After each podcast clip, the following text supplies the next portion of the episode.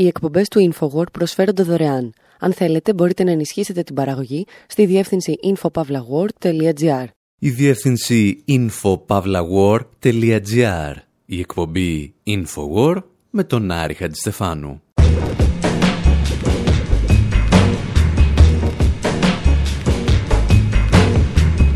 Όπου σήμερα για πρώτη και τελευταία φορά στα 15 χρόνια αυτής της εκπομπής στηρίζουμε την καγκελάριο της Γερμανίας, Άγγελα Μέρκελ. Την ακούμε να καταδικάζει την απόφαση του Twitter και του Facebook να κλείσουν τους λογαριασμούς του Donald Trump. Ζητάμε τη γνώμη του φιλοσόφου Καρλ Πόπερ για το αν μπορούμε να φημώνουμε αυτούς που θέλουν να μας φημώσουν. Υποθέτουμε πως όποια και αν ήταν η απάντησή του δεν έχει σημασία μόνο ποιον λογοκρίνεις, αλλά ποιος είσαι εσύ που θα τον λογοκρίνεις. Και γι' αυτό θυμόμαστε μερικούς λόγους για τους οποίους το Facebook και το Twitter δεν μπορούν να ανήκουν σε ιδιωτικές εταιρείες. Αποφασίζουμε ότι δεν θέλουμε πολλά Facebook, αλλά ένα και υποκοινωνικό έλεγχο.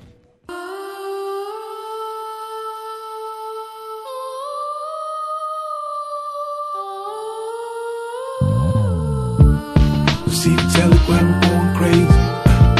A telegram going crazy. Cause even in reality, complaining shit don't bother me. We see the telegram going crazy. A telegram going crazy. And baby, now you want the truth. Well, I'm yelling from the roof. Question after question after fucking question. Girl, you my pride and blessing. Hey, girl, there ain't no second guessing about the sweetest chemistry. And question after question after fuck question. If ain't no right, then ain't no wrong. Yeah, girl, I feel I'm where I belong. I'm about the sweetest chemistry. Receive a telegram, I'm going crazy. A telegram, I'm going crazy. Cause even in reality, complaining shit'll bother me. Receive a telegram, I'm going crazy. A telegram, I'm going crazy. Hey baby, now you want the truth. But I'm yelling from the roof. I rap to try to better our situation. Wanna scroll through my text message for vindication. You judge Judy, I'm coming home to litigations. Stimulate your little ego and I got you patient. Look, I ain't trying to go back to the basic. You dealing with bitches who basic. With double faces. Smile in your face to leave our business in different places. But I'm crazy. Cause I'm out late nights politicking, I gotta get it, baby. Stay off that social media, it's the devil, I'm telling you. Instagram, Twitter, Facebook, get a tell on you, keep your feelings inside. Tell me what's on your mind, don't show your hands for the world. Have me out in the blind, girl. I ain't out here doing it for the vine, girl. We all fall in temptation, just know you my girl. And even though that sound crazy, at least I'm trying, girl. But your reply. See the telegram, I'm going crazy. Uh, a telegram, going crazy. Cause even in reality, complaining shit don't bother me. Receive a telegram, I'm going crazy. A telegram, I'm going crazy. And baby, now you want the truth. Yeah. But I've been yelling from the Stand faithful's a process. Ο Αμερικανός Lance Keywalker υποστηρίζει ότι το Telegram τρελάθηκε και πως καλά θα κάνεις να μείνεις μακριά από το Twitter και το Facebook γιατί είναι λέει του διαβόλου. Και ενώ κάθε ένας έχει το δικαίωμα να κρατά τις αποστάσεις του από τα κυρίαρχα μέσα κοινωνικής δικτύωσης, το ερώτημα είναι τι γίνεται όταν τα μέσα κοινωνικής δικτύωσης αποφασίζουν να κρατήσουν τις αποστάσεις τους από εσένα; Αυτό που έπαθε λόγου χάρη ο Ντόναλτ Τραμπ. Twitter permanently suspended Trump Friday, cutting off his instant line of communication with 89 million. Το Twitter ανέστηλε μόνιμα τη λειτουργία του λογαριασμού του Trump την Παρασκευή, κόβοντας την άμεση γραμμή επικοινωνίας που είχε με τους 89 εκατομμύρια ακολούθους του. Η απόφαση ελήφθη ύστερα από την εξέταση δύο αναρτήσεων που σύμφωνα με το Twitter θα μπορούσαν να υποκινήσουν βία και μια δεύτερη επίδυση στο Καπιτόλιο και σε άλλα κυβερνητικά κτίρια το επόμενο Σαββατοκύριακο πριν την ορκωμοσία του Τζον Biden. Εν τω μεταξύ, το Facebook και το Instagram, που αποτελούν την ίδια εταιρεία, έχουν αναστείλει την πρόσβαση του Τραμπ τουλάχιστον μέχρι την ημέρα ορκωμοσίας. Το Twitch, η ιδιοκτησία Amazon και το Snapchat επίσης διέκοψαν τη λειτουργία των λογαριασμών του Τραμπ. Άλλες πλατφόρμες που έχουν αποβάλει ή περιορίσει τον Τραμπ είναι το TikTok, το Reddit και το Shopify. TikTok, Reddit, Snapchat and Shopify. Η πρώτη εύλογη αντίδραση εκατομμυρίων ανθρώπων σε όλο τον κόσμο στο άκουσμα της είδησης ήταν «Καλά του κάνανε του κέρατα». Ένας άνθρωπος που διατάζει δολοφονίες ξένων αξιωματούχων και βομβαρδισμούς χωρών από το Twitter και ο οποίος οργανώνει τάγματα εφόδου από τα μέσα κοινωνικής δικτύωσης, γιατί πρέπει να έχει πρόσβαση σε αυτά τα μέσα; Ύστερα όμως ήρθαν ορισμένες πιο ψύχρεμες φωνές να τοποθετηθούν επί του θέματος. Η Άγγελα Μέρκελ, παραδείγματος χάρη, το έκανε δια του εκπροσώπου τύπου της καγκελαρίας. Das Grundrecht auf Meinungsfreiheit ist ein Grundrecht von elementarer Bedeutung und in dieses Grundrecht kann Το δικαίωμα στην ελευθερία της έκφρασης είναι θεμελιώδης δικαίωμα. Υπάρχει δυνατότητα παρέμβασης σε αυτό μόνο όμως μέσα στο πλαίσιο του νόμου.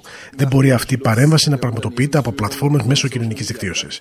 Υπό αυτό το πρίσμα, η καγκελάριος θεωρεί ότι η μόνιμη διακοπή της λειτουργίας του λογαριασμού του Προέδρου Τραμπ είναι προβληματική.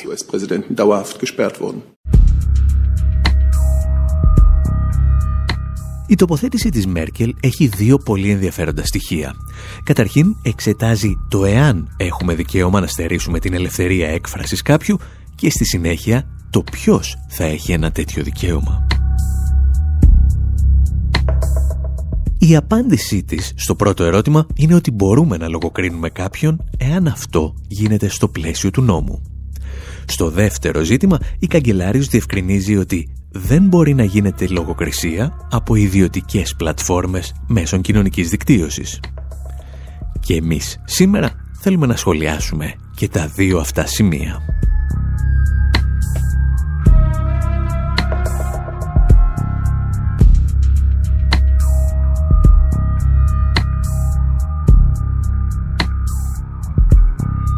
Περιπλανόμενοι στο ίντερνετ ίσως να έχετε πετύχει ένα μίνι κόμικ με το λεγόμενο «Παράδοξο της ανεκτικότητας» του φιλόσοφου Καρλ Πόπερ. Το είχαμε παρουσιάσει και εμείς πριν από μερικά χρόνια στη σελίδα μας info.pavlawar.gr Το παράδοξο του Πόπερ στηρίζεται στη διαπίστωση ότι μια απόλυτα ανεκτική κοινωνία είναι καταδικασμένη να κυριευτεί από τα μη ανεκτικά μέλη της. This was raised by Karl Popper.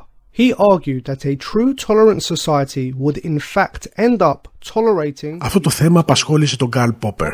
Υποστήριξε ότι μια πραγματικά ανεκτική κοινωνία θα καταλήξει να ανέχεται τη μία ανοχή. Σύμφωνα με τον Πόπερ, η ανεφόρον ανεκτικότητα οδηγεί αναπόδραστα στην εξαφάνιση της ανεκτικότητας. Γιατί αν δείχνουμε ανεφόρον ανοχή ακόμα και σε αυτούς που αρνούνται την ανεκτικότητα, εάν δεν είμαστε διατεθειμένοι να υπερασπιστούμε μια ανεκτική κοινωνία απέναντι στην επίθεση της μία ανεκτικότητας, τότε οι ανεκτικοί άνθρωποι θα συνθλιβούν μαζί με την ανεκτικότητα. Then the tolerance will be destroyed and tolerance with them. Ο Καρλ Πόπερ βέβαια είχε πει και μερικές ακόμη κουβέντες που δεν περιλαμβάνονται στο συγκεκριμένο απόσπασμα. «Δεν υπονοώ», έλεγε ο ίδιος, «ότι πρέπει πάντα να καταπιέζουμε τις φιλοσοφίες της μη ανοχής, αν μπορούμε να τις αντικρούσουμε με λογικά επιχειρήματα και να τις ελέγχουμε μέσω της κοινή γνώμης. Πρέπει όμως να διατηρούμε το δικαίωμα να τις καθυποτάξουμε ακόμη και δια της βίας, όταν αυτές δεν αντιδρούν στα λογικά επιχειρήματα. Αυτές οι φιλοσοφίες μάλιστα, έλεγε ο Καρλ Πόπερ, απαγορεύουν στους οπαδούς τους να ακούσουν τα λογικά επιχειρήματα.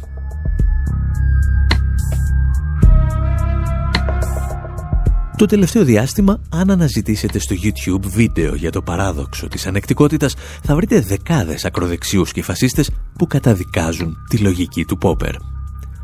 Και ενώ δεν δηλώνουμε οπαδοί του συγκεκριμένου φιλοσόφου, οφείλουμε να παρατηρήσουμε ότι στην ανθρώπινη ιστορία υπήρξαν στιγμές που οι ανεκτικές κοινωνίες αποφάσισαν να στερήσουν το λόγο από τους οπαδούς της μη ανεκτικότητας. Και έκαναν πολύ καλά.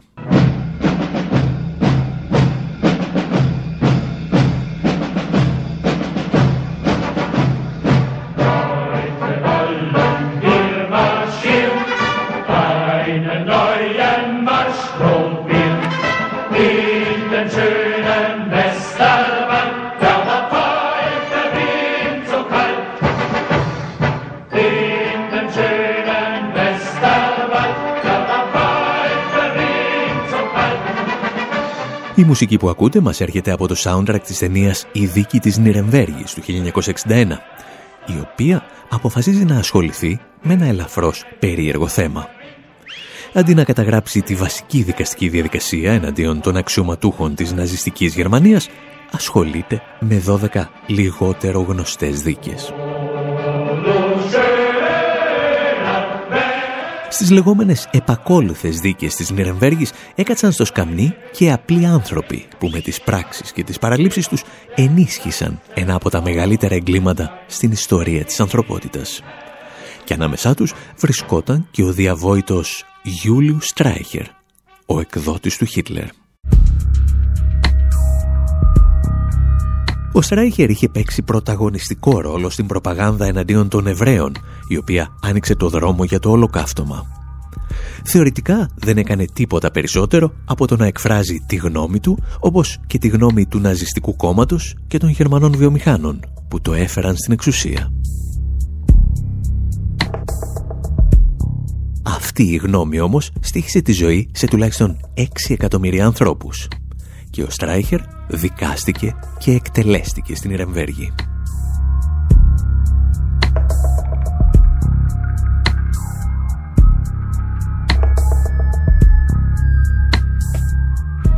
Παρόμοιο ήταν το σκεπτικό και στο Διεθνές Ποινικό Δικαστήριο για τη Ρουάντα. Οι δικαστές καταδίκασαν δημοσιογράφους, οι οποίοι παρότερναν τους συμπολίτες τους να πραγματοποιήσουν μια γενοκτονία εναντίον των Τούτσι. Υπό μία έννοια, ανάλογο ήταν και το αίτημα του αντιφασιστικού κινήματος στην Ελλάδα, όταν ζητούσε από την κρατική τηλεόραση να μην αναμεταδίδει τα κηρύγματα μίσους των ναζιστών της Χρυσής Αυγής. Μία άποψη λοιπόν μπορεί να λογοκριθεί αν λόγου χάρη προτρέπει σε μια γενοκτονία ή σε άλλα ή δεχθεί εγκλήματα. Γεγονός που μας οδηγεί στο δεύτερο μεγάλο ερώτημα του ποιος μπορεί να επιβάλλει αυτή τη λογοκρισία και υπό ποιες προϋποθέσεις. Θα το συζητήσουμε ύστερα από αυτό.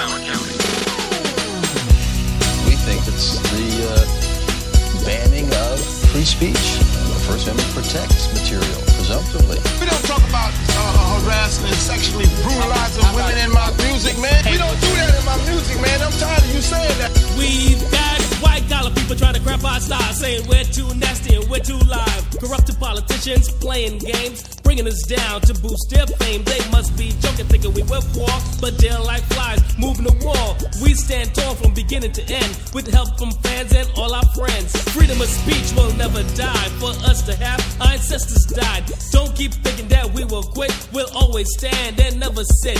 We're too live, too black, too strong, doing the right thing and not the wrong. So listen up, y'all, to what we say. We won't be banned in the USA.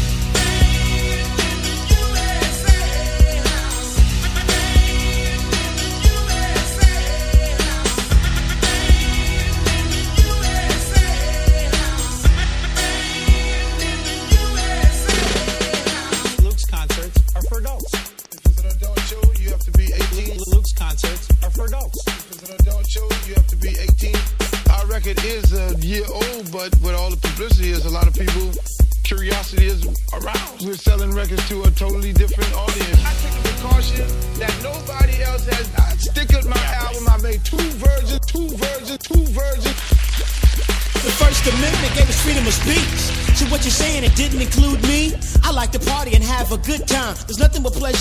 in our rhyme. I know you don't think we'll ever quit. We got some people on our side that won't take your lip. We're gonna do all the things we wanna do. You can't stand to see a brother get as rich as you.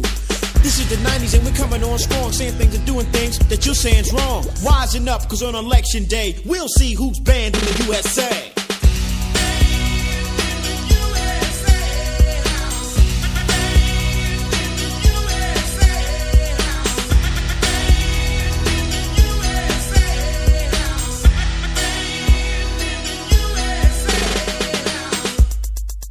Στην εκπομπή Infowar με τον Άρη Χατζηστεφάνου εξετάζουμε μία θέση της Άγγελα Μέρκελ. της καγκελαρίου που καταδίκασε την απόφαση του Facebook και του Twitter να κλείσουν τους λογαριασμούς του Donald Trump. Και δεν ήταν μόνο αυτά τα μέσα κοινωνικής δικτύωσης που το έκαναν. Εδώ και μήνες τα μεγαλύτερα τηλεοπτικά δίκτυα των ΗΠΑ αλλά ακόμη και κρατικοί ραδιοσταθμοί έκοβαν στον αέρα τον πρόεδρο της χώρας όταν άνοιγε τη μηχανή παραγωγής fake news. I've already decisively won many critical states including massive victories in Florida, Iowa, Indiana, Ohio. Okay, here we are again in the unusual position of not only interrupting the President of the United States, but correcting the President of the United States. Ο παρουσιαστής του MSNBC διακόπτει για πολλωστή φορά τον πρόεδρο των Ηνωμένων Πολιτειών της Αμερικής όταν αρχίζει να ισχυρίζεται ότι έχει κερδίσει σειρά από πολιτείες στις πρόσφατες εκλογές και αν η συγκεκριμένη απόφαση μπορεί να προκαλέσει και εύλογες ενστάσεις σε ορισμένους, όλοι θέλαμε να κλείσουμε το στόμα του Τραμπ όταν έλεγε ότι θα αντιμετωπίσει τον κορονοϊό ρίχνοντας τους ασθενείς πολύ δυνατό φως και κάνοντας τους ενέσεις με απορριπαντικό.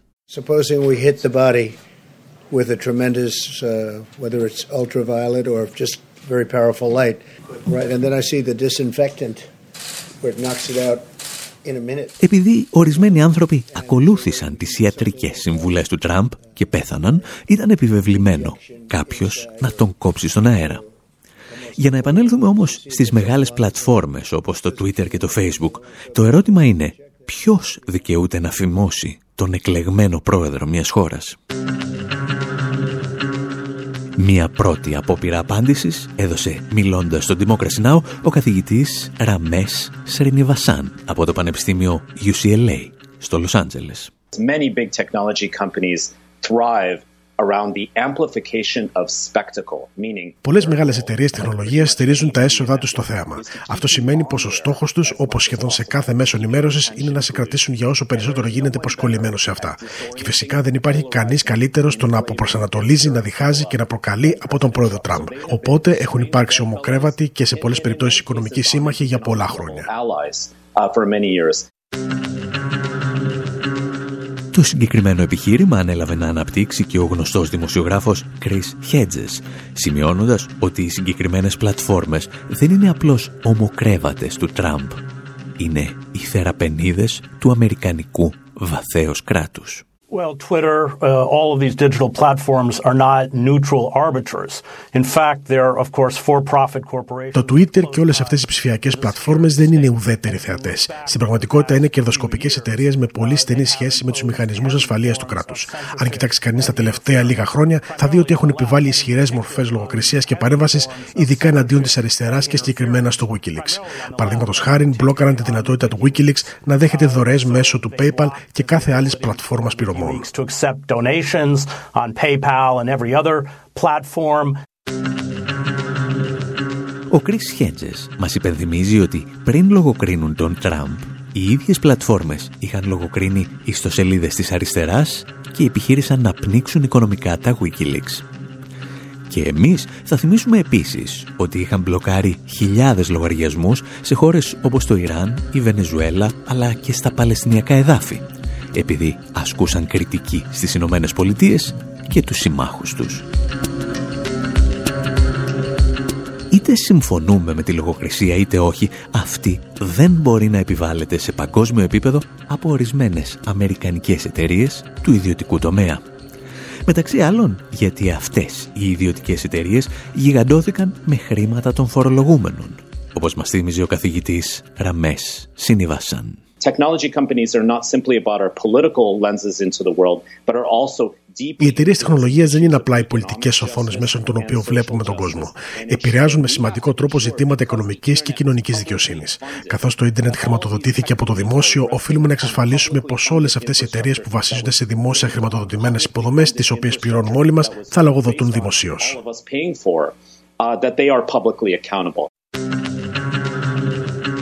Στο δεύτερο μέρος της εκπομπής θα εξετάσουμε σε μεγαλύτερο βάθος τα ολιγοπόλια και τα μονοπόλια των social media και θα προτείνουμε την πιο απλή και αποτελεσματική λύση.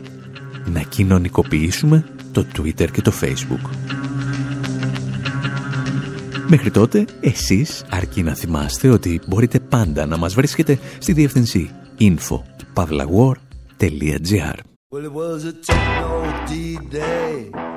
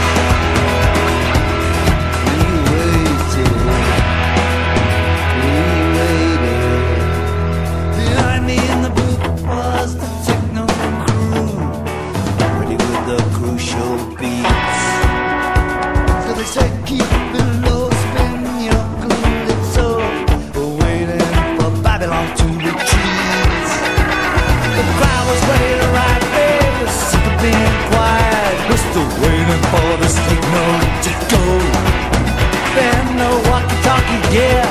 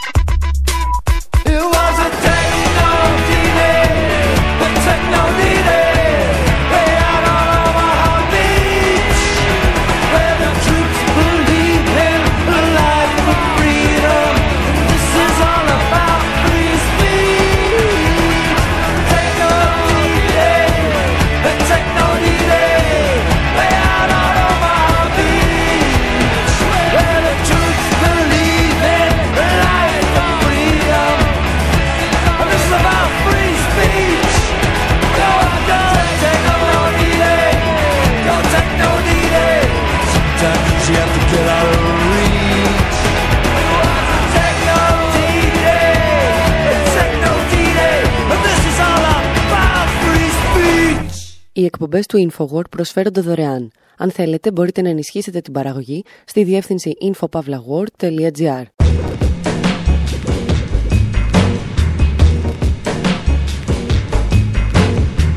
Εκπομπή InfoWord, μέρος δεύτερο. Όπου αναλογιζόμαστε πάνω στο μεγάλο ερώτημα εάν έπρεπε να κλείσουν τους λογαριασμούς του Donald Trump στο Twitter και το Facebook και άλλες πλατφόρμες του διαδικτύου. Αφού ξεκαθαρίσαμε ότι ορισμένους ανθρώπους καλό είναι να μην τους ακούς, επιστρέφουμε στο ερώτημα ποιος θα αποφασίζει τι πρέπει και τι δεν πρέπει να ακούμε; παρακολουθούμε τη διαδικασία γιγάντωσης του Facebook και αναρωτιόμαστε εάν είναι κάτι σαν το δίκτυο ίδρευσης, με τη διαφορά ότι δεν βγάζει νερό. Σκεφτόμαστε ότι το πρόβλημα στην περίπτωσή μας δεν είναι η ύπαρξη ενός μονοπωλίου, αλλά ο έλεγχος αυτού του μονοπωλίου από ιδιώτες.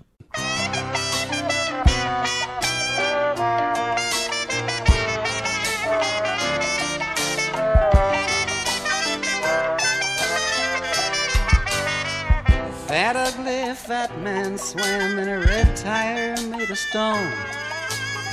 The painted lady paddled next to him with two poodles on her lap. Garbo quietly picked a flower while the chauffeur won his check again. And as Barrymore took a noonday nap, diamonds fell like rain.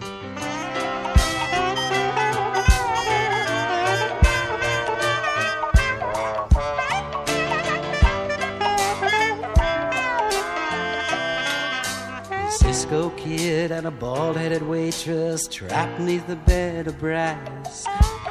French cook served them chocolate and some cold cuts on the grass. Luella ripped her zebra pants in the polo lounge. And Errol Flynn was not let in cause he was coming down. Up in Xanadu, diamonds fell like rain. Citizen Kane was king. Boy, Citizen Kane.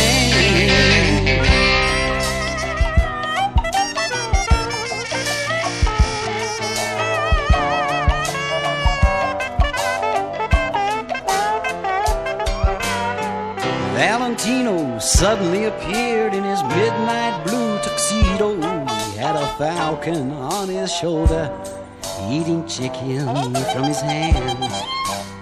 And Fatty Arbuckle waddled by on his way to the bathhouse green. And Frankenstein ate the leading lady and licked the carcass clean.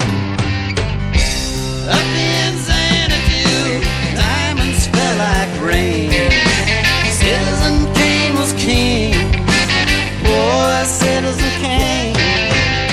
συγκρότημα The Birds από το Los Angeles τραγουδά σε ρυθμούς folk rock για έναν φτωχό βασιλιά. Και το όνομα αυτού, πολίτης Kane, η ταινία του Orson Welles, την οποία ο ίδιος προλόγιζε στο κινηματογραφικό της τρέιλερ κάπως έτσι.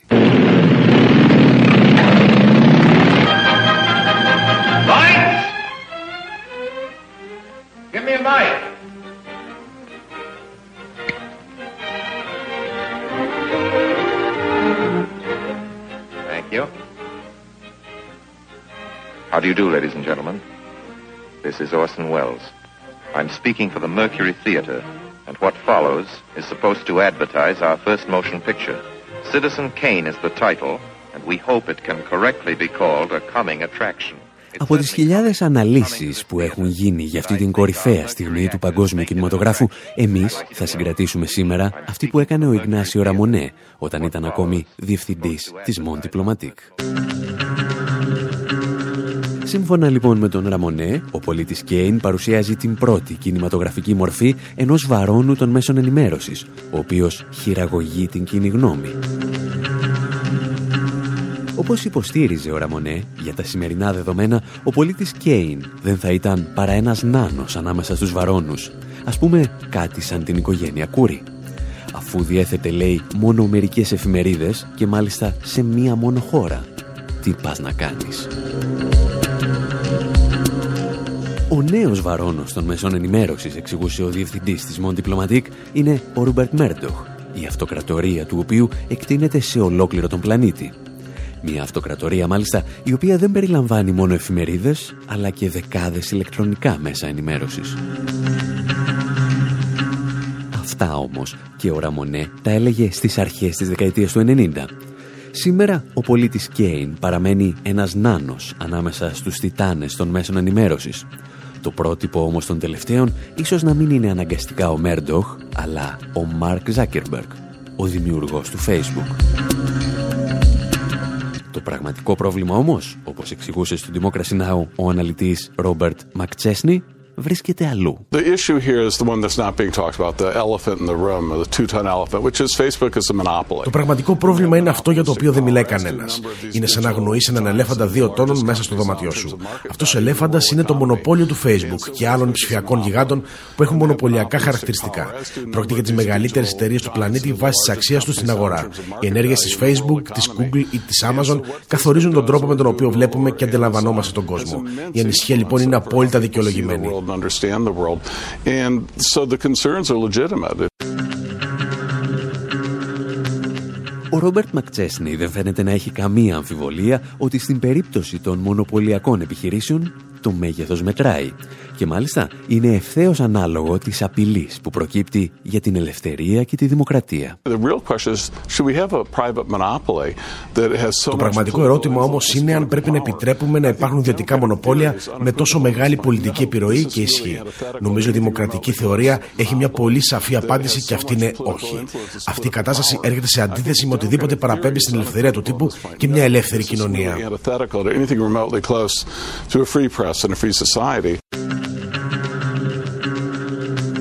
Ο ειδικός αναλυτής σε θέματα μέσων ενημέρωσης κάνει εδώ μια πολύ σαφή επισήμανση. Το θέμα εξηγεί δεν αφορά τις καλές ή τις κακές προθέσεις των ανθρώπων που διοικούν ένα μονοπόλιο. Η ίδια η ύπαρξη του μονοπωλίου είναι το πρόβλημα. then the other issue is if you're going to have this private monopoly, no matter how lovely you think the people who are run it are, how much you trust them, how benevolent you Υπάρχει όμως και ένα άλλο ζήτημα. Αν καταλήξει με ένα ιδιωτικό μονοπόλιο, όσο καλοί και αγαθοί και αν είναι οι άνθρωποι που το διαχειρίζονται και όση εμπιστοσύνη και αν τους έχεις, αργά ή γρήγορα θα προσελκύσουν το διαφέρον των ισχυρών. Είναι λοιπόν λογικό και αναμενόμενο ότι σταδιακά θα αρχίσουν να ικανοποιούν τις απαιτήσεις τους. Δεν πιστεύω λόγω χάρη ότι η Facebook έχει επαφές με εκπροσώπους των αστέγων για να είναι σίγουροι ότι καλύπτει και τη δική τους οπτική γωνία. Το ίδιο συμβαίνει και με τα κινήματα ειρήνης ή το κίνημα για τον μποϊκοτάζ του Ισραήλ. Γνωρίζουμε πολύ καλά πως όταν έχεις ένα ιδιωτικό μονοπόλιο, χωρίς κανέναν πολιτικό έλεγχο, η πλάστικα θα γύρει προς τη μεριά των ισχυρών.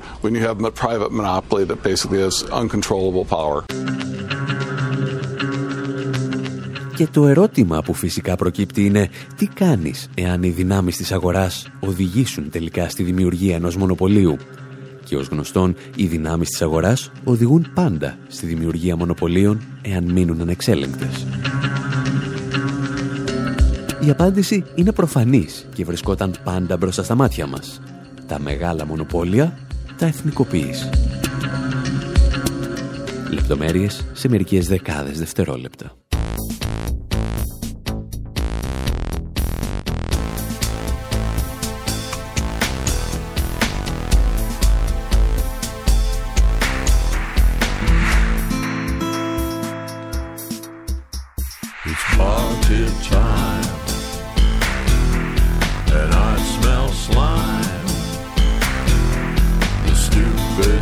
Στην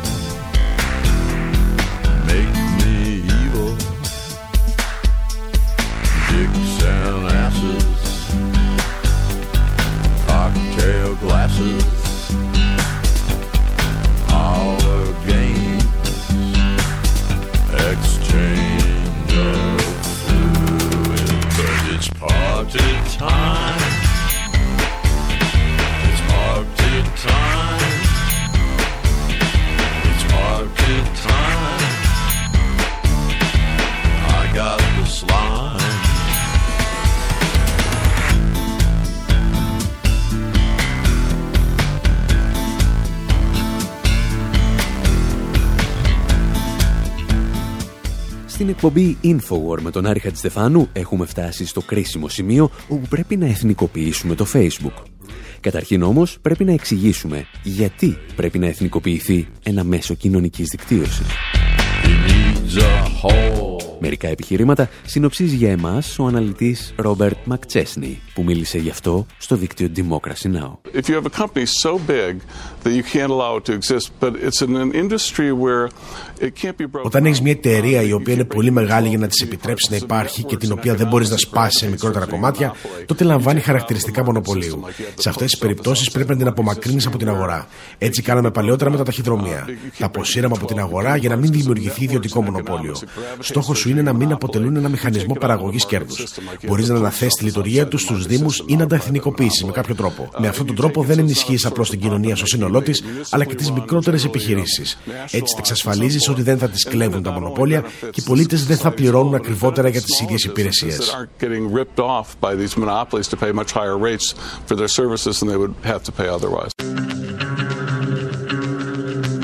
Ο Ρόμπερτ Μακτσέσνη λέει κάτι πάρα πολύ απλό. Είτε πιστεύεις στον καπιταλισμό, είτε στο σοσιαλισμό και τον κομμουνισμό, δεν μπορείς να επιτρέψεις τη δημιουργία ιδιωτικών μονοπωλίων. Κάποιες επιχειρήσεις όμως έχουν από τη φύση τους μονοπωλιακά χαρακτηριστικά. Η εταιρεία ίδρευσης λόγου πρέπει να είναι μία. Διαφορετικά, προκειμένου να υπάρχει ανταγωνισμός, κάθε ιδιώτης θα έπρεπε να περνάει τους δικούς του σωλήνες μέσα στην πόλη. Το ίδιο συμβαίνει και με τις υποδομές των σιδηροδρόμων. Δεν θέλεις κάθε ιδιώτης να περνά τις δικές του ράγες μέσα από το χωράφι σου. Τώρα, γιατί κάποιος να θέλει να ιδιωτικοποιήσει τα τρένα και την ίδρυυση, όταν μάλιστα όλες οι σχετικές ιδιωτικοποιήσεις στην παγκόσμια ιστορία έχουν αποτύχει, είναι άλλο θέμα. Δεν είναι άλλωστε τυχαίο ότι τέτοιου είδους ιδιωτικοποιήσεις μονοπωλίων γίνεται πλέον μόνο σε δικτατορίες του τρίτου κόσμου ή σε σύγχρονες απικίες χρέους. Το Facebook πάντως, για να επιστρέψουμε στη δική μας ιστορία, είναι σαν μια εταιρεία ίδρευσης. Δεν μπορείς και δεν θέλεις να το σπάσεις σε 10 μικρότερα κομμάτια, γιατί τότε δεν έχει λόγο ύπαρξης. Άρα, πρέπει να περάσεις τον έλεγχο των πολιτών.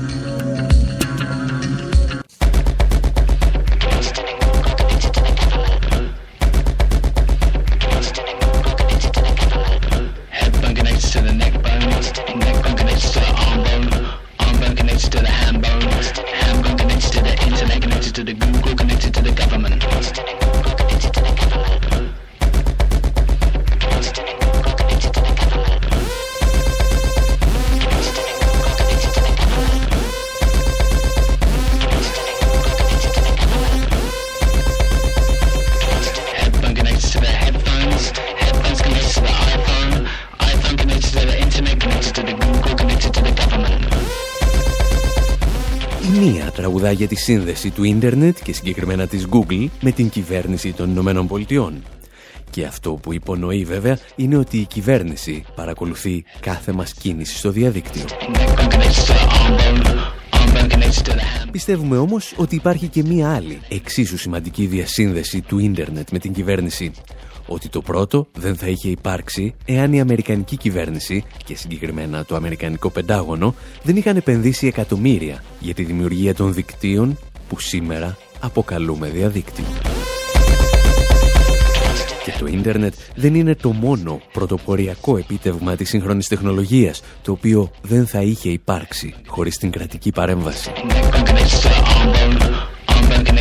Συζητούσαμε για αυτά τα θέματα με την οικονομολόγο Αν Πέτιφορ στο ντοκιμαντέρ This is not a coup και αυτή μας έφερε το κλασικό παράδειγμα του iPhone. We know from all of our experience Γνωρίζουμε ότι ο ιδιωτικός τομέας χρειάζεται τις δαπάνες του κράτους. Ο κύριος Apple, ο Steve Jobs, χρειαζόταν η Αμερικανική κυβέρνηση να επενδύσει στα στοιχεία που αποτελούν το iPhone ώστε να είναι σε θέση να το κατασκευάσει. Ο ίδιος δεν είχε την απαιτούμενη επιχειρηματικότητα για να ανακαλύψει το ίντερνετ ή όλα τα άλλα στοιχεία που αποτελούν το iPhone. Αυτά τα στοιχεία στη συνέχεια ιδιωτικοποιήθηκαν και χρησιμοποιήθηκαν από τον ιδιωτικό τομέα. Γνωρίζουμε λοιπόν ότι οι κυβερνήσεις ενισχύουν την ιδιωτική δραστηριότητα. So we know that governments stimulate private activity. Υποπτευόμαστε ότι η Αν Πέτιφορ αντλεί το παράδειγμά της από το εξαιρετικό βιβλίο της Μαριάννα Ματσουκάτο «The Entrepreneurial State» σε πρόχειρη μετάφραση «Το κράτος του επιχειρήν». Η Ματσουκάτο, η οποία είναι καθηγήτρια οικονομικών στο Πανεπιστήμιο του Σάσεξ, πραγματοποίησε μια εξαντλητική έρευνα για το πώς όλες σχεδόν οι μικροσυσκευές που χρησιμοποιούμε σήμερα οφείλουν την ύπαρξή τους σε ερευνητικά προγράμματα του δημοσίου. Είτε πρόκειται για το Δημόσιο Πανεπιστήμιο ή ερευνητικά κέντρα του στρατού, διαφόρων υπουργείων και ούτου καθεξής. Όσοι παρακολουθήσατε το ντοκιμαντέρ This is not a coup, θα διαπιστώσατε ότι τσιμπήσαμε ορισμένες πληροφορίες από το κράτος του επιχειρήν σε σχέση πάντα με το iPhone.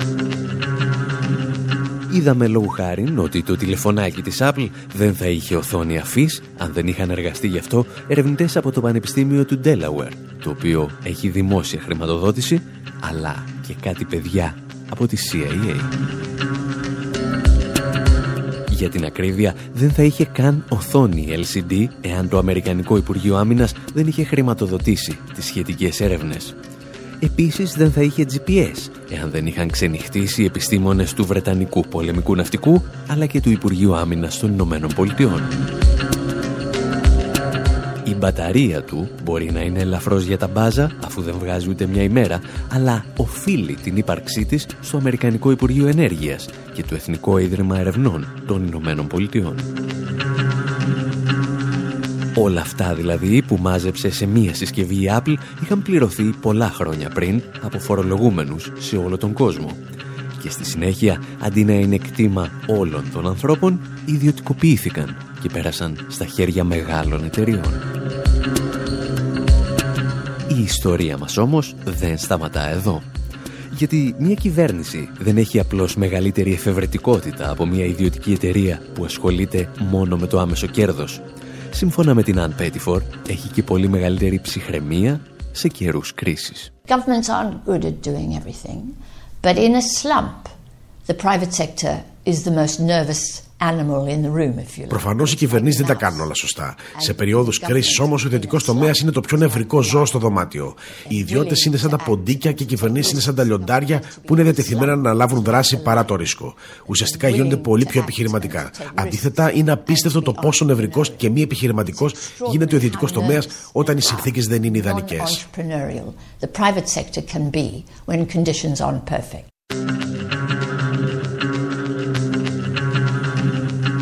Στις στιγμές της κρίσης λοιπόν, ο ιδιωτικός τομέας συμπεριφέρεται σαν τα ποντίκια.